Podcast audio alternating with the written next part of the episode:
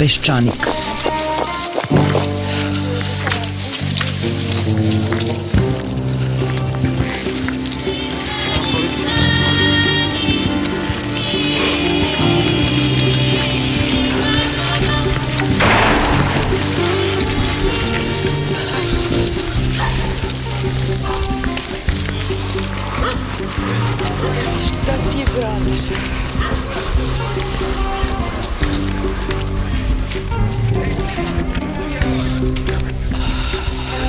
Peščanik.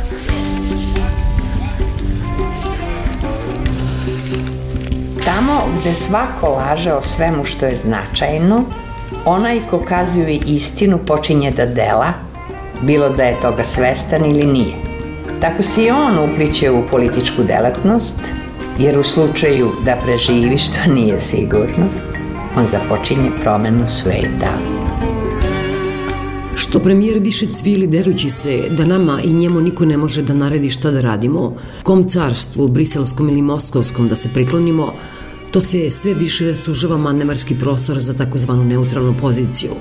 Za 5-6 dana u Briselu će biti predstavljen izveštaj o napretku u evrointegracijama i tamo izgleda piše da kandidat još uvijek nije, kako se to diplomatski kaže, usaglasio svoju politiku sa politikom Evropske unije povodom ukrajinske krize i da na tome mora da se radi. A onda odmah iza toga u Beograd dolazi niko drugi nego Vladimir Vladimirović, navodno povodom obeležavanja oslobođenja Beograda. Zbog visokog gosta i pravoslavnog brata oslobođenje Beograda se pomerilo na 16. oktobar. Prošli put Putin se u Beogradu zadržao cela dva i po sata. Sada će morati da odvoji makar tri ako hoće da vidi i Nikolića, i Vučića, i privrednike, i bajkere, i neku utakmicu na Marakani i još pride da odgleda vojnu paradu koju mu spremaju. Moraće da nađu neke tenkove i oklopne transportere na turbomlazni pogon, Vojnici će, boga mi, morati da trče, a ne da marširaju, ako hoće da ih Putin vidi na delu. Glavni adut vojske biće ona 2-3 miga, stara koliko je Putin, za koju su nam pre nekoliko dana Rusi poklonili akumulatore jer nismo imali pare da ih kupimo. Beograđani će danima u oči i za vreme posete visokog gosta živeti u opsadnom stanju, sve će stati kao i u nedelju kada je održana na neki način parada ponosa. Ceo širi centar grada bio je potpuno pust, kao za vreme bombardovanja. Jedino što se sada uniformisana lica nisu krila po šumama i gorama, nego su stajala na raskrsnicama. Videli ste da je naš premijer dobio aplauze na otvorenoj sceni što nije zabranio paradu, međutim već istog dana nešto što je trebalo da bude neka vrsta promocije ljudskih prava, odnosno prava LGBT osoba, pretvorilo se isključivo o priču o tome ko je i zbog čega istukao njegovog brata. O tome šta se sve dogodilo u tu nedelju razgovarali smo sa novinarom Milošem Vasićem, profesorskom prava Vesnom Rakić-Vodinilić i Dejanom Ilićem iz izdavačke kuće Fabrika knjiga. Najpre govori Miloš Vasić. Ceo taj cirkus od 28. septembra je bio pre svega jedan psihološki cirkus. Oni izvode oklopna vozila koje su, kao što smo naučili 9. marta 1991. apsolutno beskorisne u takvim situacijama ali psihološki deluje, ajde, dobro u redu. Znači, to je bila jedna demonstracija da kao kad mi kažemo, onda može, a ako mi dovoljno lepo kažemo, a pritom smo onima drugima objasnili nemoj da izlazite. Otvara se, dakle, mogućnost da se u 15 sati u nedelju pojavi Aleksandar Vučić i kaže, a, jeste videli, ja? Šta je bilo? Cela stvar je prošla odlično, dakle, prošla je odlično zato da bi Aca Vučić mogao se pojavi i kaže, eto, vidite, kad država hoće i tako dalje i tako dalje i to se zove politička volja. Politička volja je njihova volja. I ranije je bila politička volja, nije bila takva. Bila je drugačija. E, sad smo tu kao stvar završili, pritom mislim da je razvijeno suviše mnogo ljudi. Ja se sećam iz mojih milicionarskih dana davnih godina, da kad je predsednik Tito izlazio u Beograd, mi nismo dizali više od 6000 ljudi otprilike, Govorimo o onima na krovovima i o onima koji su u ABH gumenim modelima silazili u kanalizaciju. Nije trebalo više, stvarno. Mislim, mi 2-3 hiljade ljudi ta stvar bila obavljena, tim pre što je politička priprema unapred već bila završena i gotova. Pošto je ranije bilo reči o hordama, više nismo znali ko sad sve preti učesnicima Parade ponosa, I sad, kako se objašnjava da ono što je sasvim izvesno, da animozitet prema pripadnicima LGBT populacije nije manja, a da smo sada imali mnogo manji broj ljudi, uglavnom okupljenih oko dveri Srpske pravoslavne crkve koji je izašao na ulicu. Kako to odjednom da se tako dramatično smanjio broj kao huligana? Pa mi ne znamo koliko ljudi. U nedelju u tri popodne Aca Vučić je izvoleo izjaviti da ogromna većina građana Srbije to ne odobrava, jer ih pitao pa zna.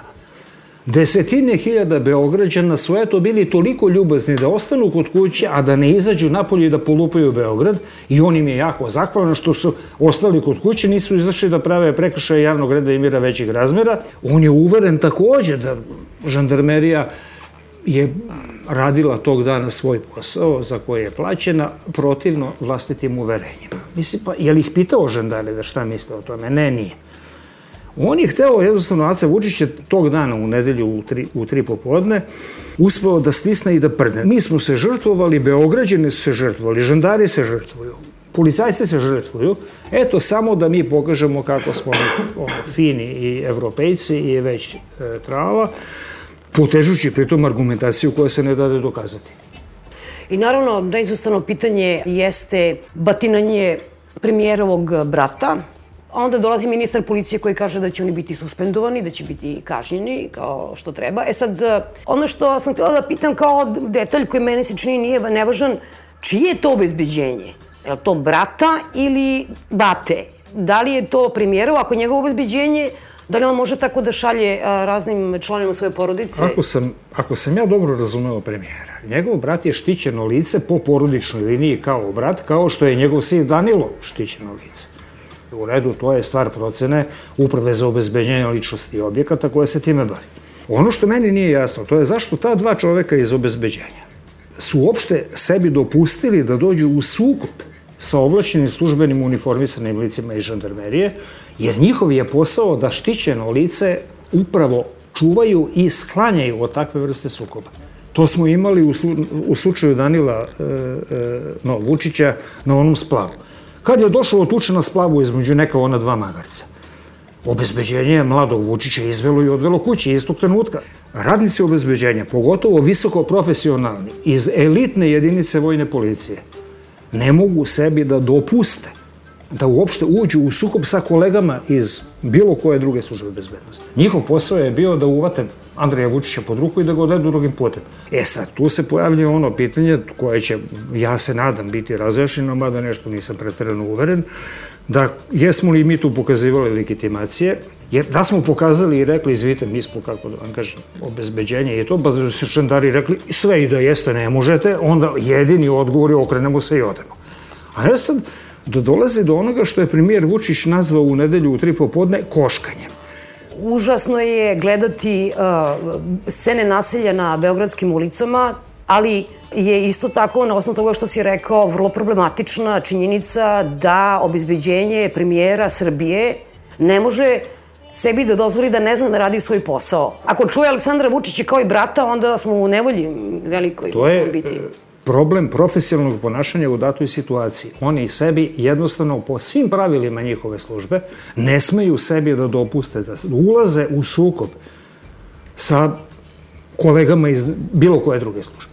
To se ili obavi na licu mesta, pa da vidimo šta će biti, a u slučaju da ne najđu na razumevanje, okreneš se i odeš. Ne ulaziš u ono što bi premijer Vučić nazvao koškanja. Pa to se videlo iz toga što je Vučić rekao da eto, kao oni neće da podnose privatne tužbe, šta ima oni da podnose privatne tužbe, to je ljudi stvar, stvar gonjenja po službenoj dužnosti. Ti privatne tužbe podnose ili nemoj da podnosiš kad se cela stvar završi disciplinsko i ako bude krivično. Ali samo okolnost da je Vučić ponudio da oni neće, ba eto, da, privatno da ih gone. Izvinili su se. Samo, izvinili da, izvinili su se kao jebi ga, eto, dešava se, jel? Ovaj, a sama ta okolnost da je Vučić osetio potrebu da to kaže, da oni neće privatno da gone, već baca izvesnu senku na celu priču. Za mene taj događaj sam po sebi, tako da kažem, ne znači nešto prema čemu bih zauzimala nekakav napred određeni stav. On je mene podsjetio jako mnogo na 97. godinu, na izlazak Saja, ko se toga seća, na terazije, na upotrebu bejsbol palica. Mislim, taj udarac koji je Andrej Vučić primio, koji sam ja videla, je bio onako jedan surov i krvožedan i ja mislim nepotreban. Mislim, međutim, međutim da je dobro što je to snimljeno i što je taj snimak prikazan javnosti, pokazuje način na koji se trenira naša žandarmerija, tuci nemilosrdno, tuci krvožedno i jednostavno čini mi se da je važan taj snimak.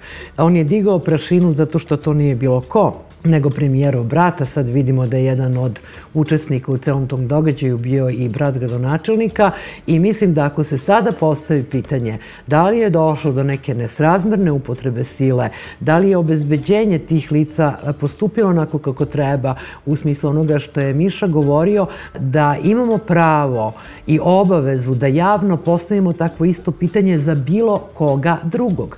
Postoje istraživanja o zloupotrebi sile nad pritvorenim licima. Ta istraživanja do sada niko nije uzimao za ozbiljno. Ti znaci upotrebe prekomerne sile, a kad je o pritvoru reč, svaka sila je prekomerna, lice je već lišeno slobode, će možda posle ovoga dobiti u nekom javnom diskursu, javnoj debati pravo građanstva i zapravo počećemo, čini mi se, malo više o tome da razgovaramo.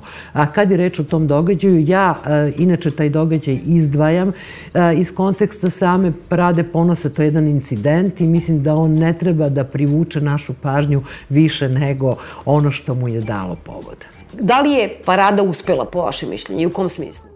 A gledajući sa strane, ja nisam učestvovala u paradi ponosa, a, to je meni izgledalo kao sloboda u rezervatu. Dakle, to je bila jedna lepa i vedra sloboda koja se dešavala na ograničenom prostoru Kao i 2010 vremenu. Da li postoji sloboda u rezervatu, to je samo retoričko pitanje. Naravno, to nije e, nikakva sloboda. No ja ne mislim da je e, Pride bio nepotreban. Meni se čini da je to pre svega važno zbog ljudi e, koji u njemu učestvuju i zbog organizatora koji demonstriraju pravo manjine da se okupi i da izrazi nekakav svoj stav. I čini mi se sa stanovišta većine da je svaka parada jedan mali korak napred, možda ne ka razumevanju prava manjine, nego ka navikavanju na neko drugačije ponašanje te manjine. I mislim da u tom pogledu i u tim ograničenim dometima se može reći da je dobro što je ona održana. Ali kada gledate malo širu scenu, ona je zaista održana u vanrednom stanju. Izgleda da su kod nas prava manjina i vršenje prava manjina ne samo LGBT, nego recimo uzmite i, i Rome, jeli, e, da su ta prava manjina vezana, i da je vezana za vanredne situacije. Vršenje, demonstriranje tih prava u ograničenom prostoru, u ograničeno vreme moguće je samo, nažalost, u prisustvu vlasti. Dakle, e, od koga ta sila treba da štiti učesnike parade? Ne od većine. Većina ljudi je, da se razumemo prema tome, indiferentna. I ne smeta mi, neću da ih diram. Zna se ko ih dira. A, ti ljudi a, koji su ometali dotadašnje parade i upućivali, dosadašnje parade i upućivali pretnje učesnicima ovogodišnje parade su ljudi koji su vezani za određene organizacije. I tu bih ja dopunila ono što je Miša a, već rekao nekolikim observacijama koje mi se čine vrlo važnim. Recimo, a, najagresivniji u dosadašnjim ometanjima ili najavama ometanja fizičkom silom Parade ponosa su bili, je bila organizacija 1389 i bili su naši. Znate, e, ja sam čitala saopštenje 1389 i bila sam veoma začuđena njegovom sadržinom i tonom. Nešto od te sadržine i tona je ponovio i premijer Vučić. Radi se o poštovanju pravnog poredka, mi imamo ustav, ustav štiti ljudska prava i mi ne možemo drugačije da se ponašamo. Odjednom ja počinjem da vidim u tu organizaciju 1389 kao jednu nevladinu organizaciju znate, koja se stara o ljudskim pravima. Takođe, dveri e, su promenile, ako ništa drugo, ono bar donekle svoju retoriku, sada odjednom im ne smeta po postojanje LGBT zajednice, smeta im demonstriranje te zajednice sa obrazloženjem da će to ugroziti ili na neki način zaraziti tradicionalne e, porodične vrednosti u Srbiji, a mislim da su se te tradicionalne porodične vrednosti u Srbiji, kao što je dobro to zapaženo na onom članku objavljenom na sajtu Peščanika, najbolje ispoljile preko naše narodne poezije i preko nekih naših narodnih poslovica. Ja ću samo jednu reći vrlo dramatičnu, ko ti iskopa oko, brat, zato je tako duboko. Jesu to te porodične vrednosti tradicionalne koje su opevane i pretvorene u narodne poslovice koje treba čuvati. Nikako da saznamo šta su to tradicionalne porodične vrednosti u Srbiji. Da li je to slava, deca, crkveni brak, pa ajde recite nam ako su to tradicionalne vrednosti, kakve to opet ima veze sa LGBT e, ljudima Meni se čini zapravo da se neki od tih ranije veoma militantnih organizacija nalaze pod kontrolom sada vladajuće političke stranke a, i da su one svoju moć demonstrirale onda kada je ta stranka bila u opoziciji. Ono što je e, bilo očigledno i u samoj konferenciji za štampu kod Aleksandra Vučića, moramo njegovo ime često pomenjamo zato što je i sam zapravo preuzeo, neizbežan, sam je preuzeo ulogu da priča u istom danu i o paradi ponosa i o uzgoju svinja i o, o teki. teki i tako dalje. Znači, ali on je sve vreme se zapravo zahvaljivao građanima što nisu polomili Beograd i zahvaljivao se huliganima. I objašnjavao je ovo batinanje sobstvenog brata nervozom, zato što policija radi ono u što ne veruje.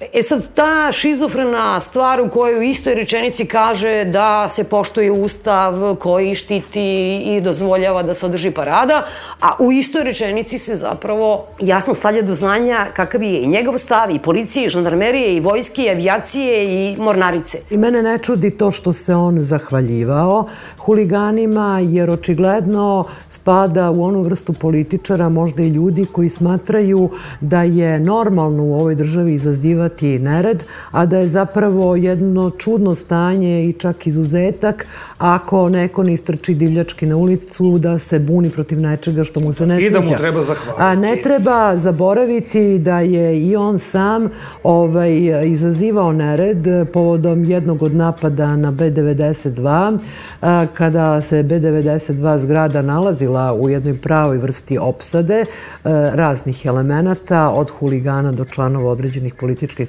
stranaka i da je pozivao na nerede, tako da, e, kako bih rekla, ja imam utisak da se on iskreno zahvalio zato što je verovao da je normalno e, da se neko ko nečim nije zadovoljan, ne mislim tu samo na LGBT, sa drekom onako digne na ulicu i da pokuša da napravi nered.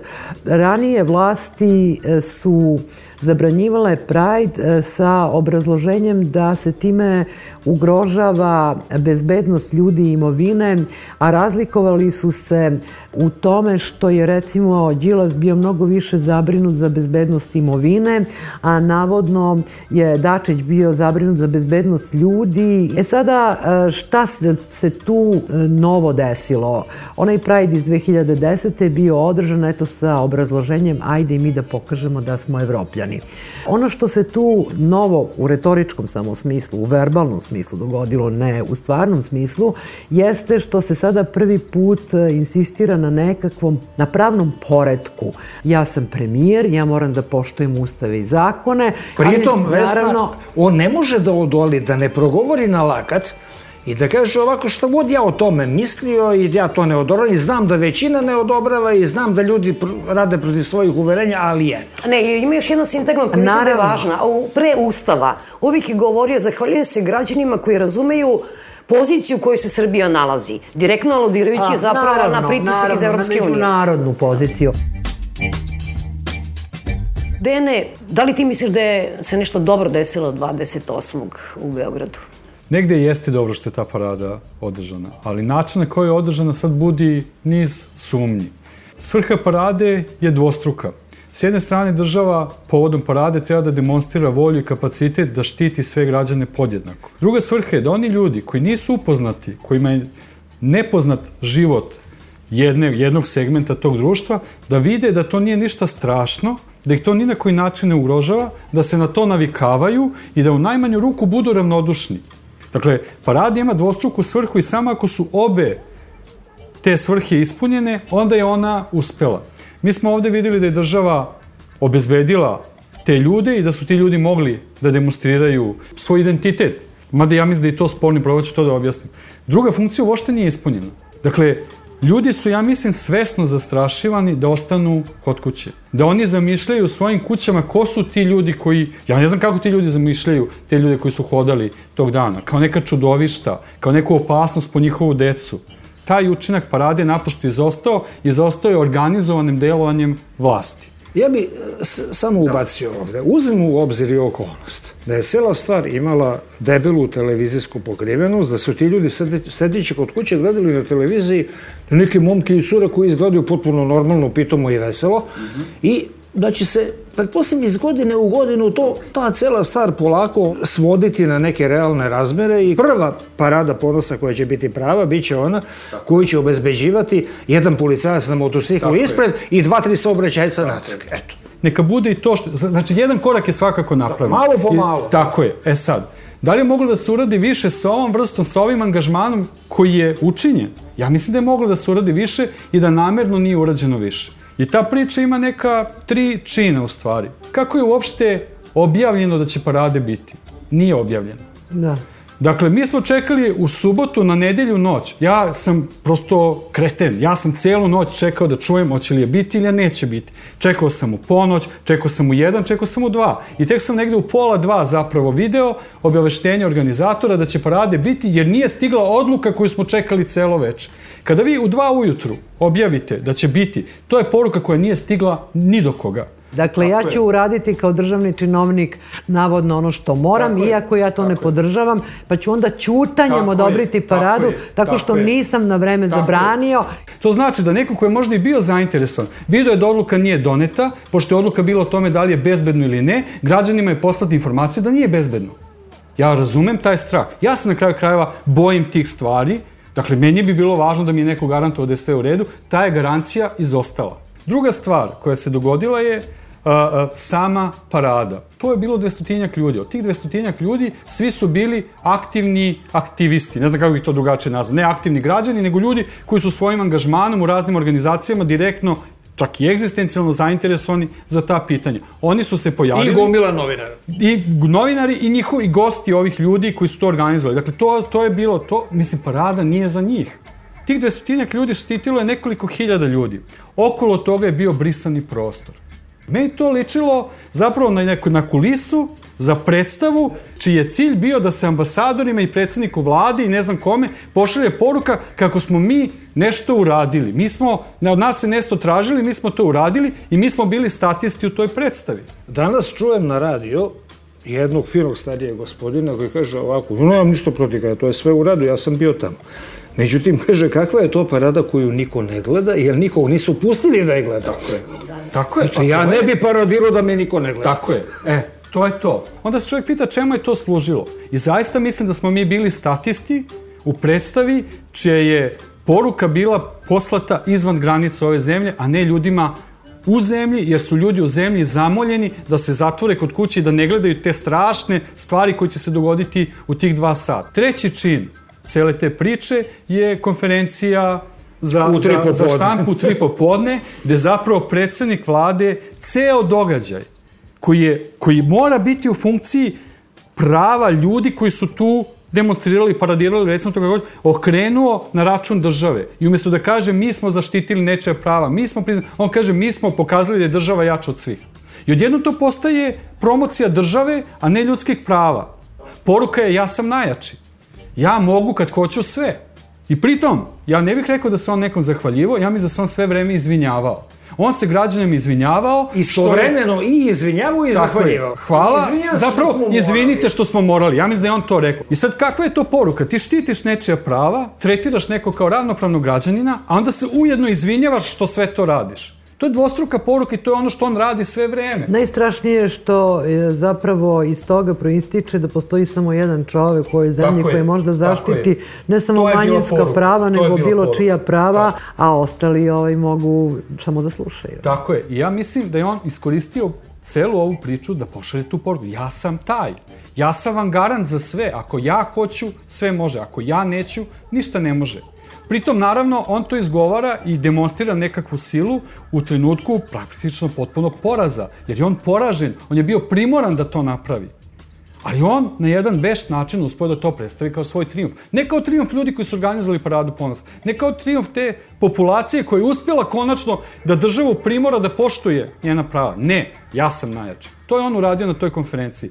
I ono što su nekakve sporedne priče tog dana bile, a to je ovo, ova dva brata koja su pretučena, i priča o 92-ci, o utisku nedelje, po meni to su sve priče koje su namerno poslate istog dana da bi se skrenula pažnja sa parade ponosa. Ja mislim da je parada ponosa, kada gledamo, kad bismo sad analizirali predsednika vlade, da je ona za njega bila velika sramota, što nam je on na razne načine saopštio na toj konferenciji. I onda je sve ostalo bio šum koji je trebalo i, i, i, i neki nanos koji je trebalo da zapravo sakrije tu sramotu. Ali mi, ono što ne bi trebalo da dozvolimo sami sebi sada ovde, jeste da budemo toliko fascinirani ovaj, premijerom. Ono što je zapravo za mene ipak važno, jeste da je posle dugo vremena, eh, znate, možete izaći eh, na ulicu i ako ste istopolne osobe, poljubiti se, bez obzira što oko vas stoji, ne znam nija koliki kordon. Ja se sećam koliko je moja baba bila šokirana kad se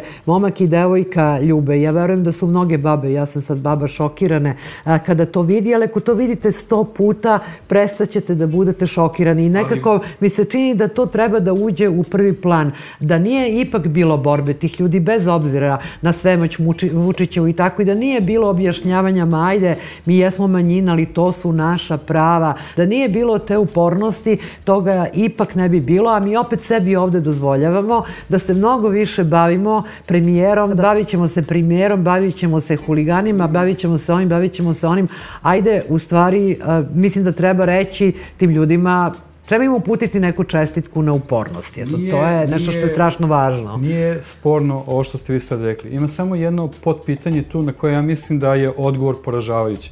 Da li vi sad mislite da dva dečaka ili dva momka ili dva odrasla čoveka mogu da se poljube na terazijama bez zaštite kordona. Naravno da ne mislim. Pa, pa što, naravno, pa, da, pa... naravno da ne mislim, ali znate, ako se ta slika šalje 10 godina, makar samo na paradi ponosa, onda će jednog dana moći. Zašto, zašto imam više sumnje od vas? Evo, prvo ću to da objasnim. Zamislimo, ja mislim da će taj dan doći uskoro, da stranka koja je sad na vlasti ode u opoziciju.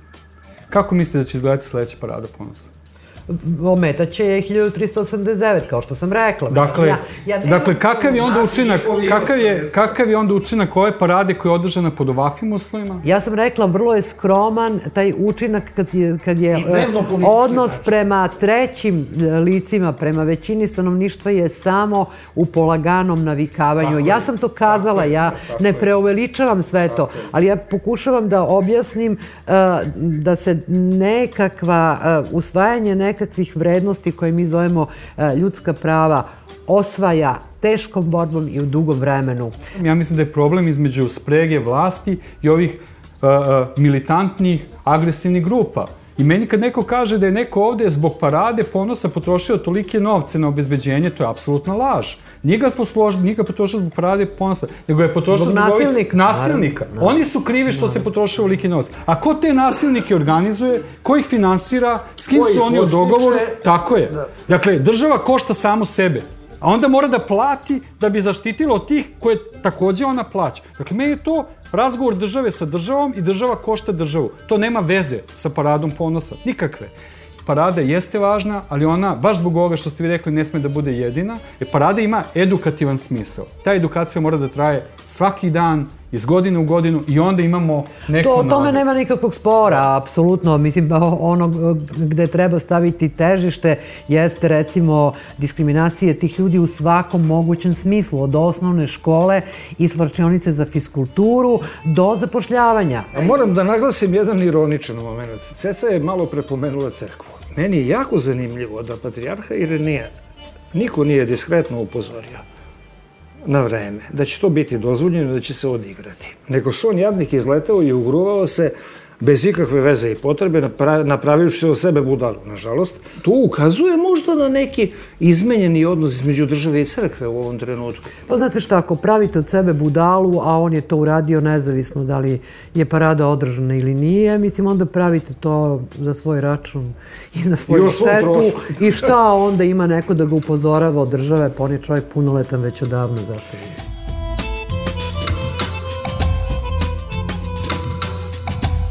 Bio je ovo još jedan peščanik, govorili su Miloš Vasić, Vesna Rakić, Vodinelić i Dejan Ilić. Pozdravlja vas Svetlana Vuković i Svetlana Lukić. Doviđenja.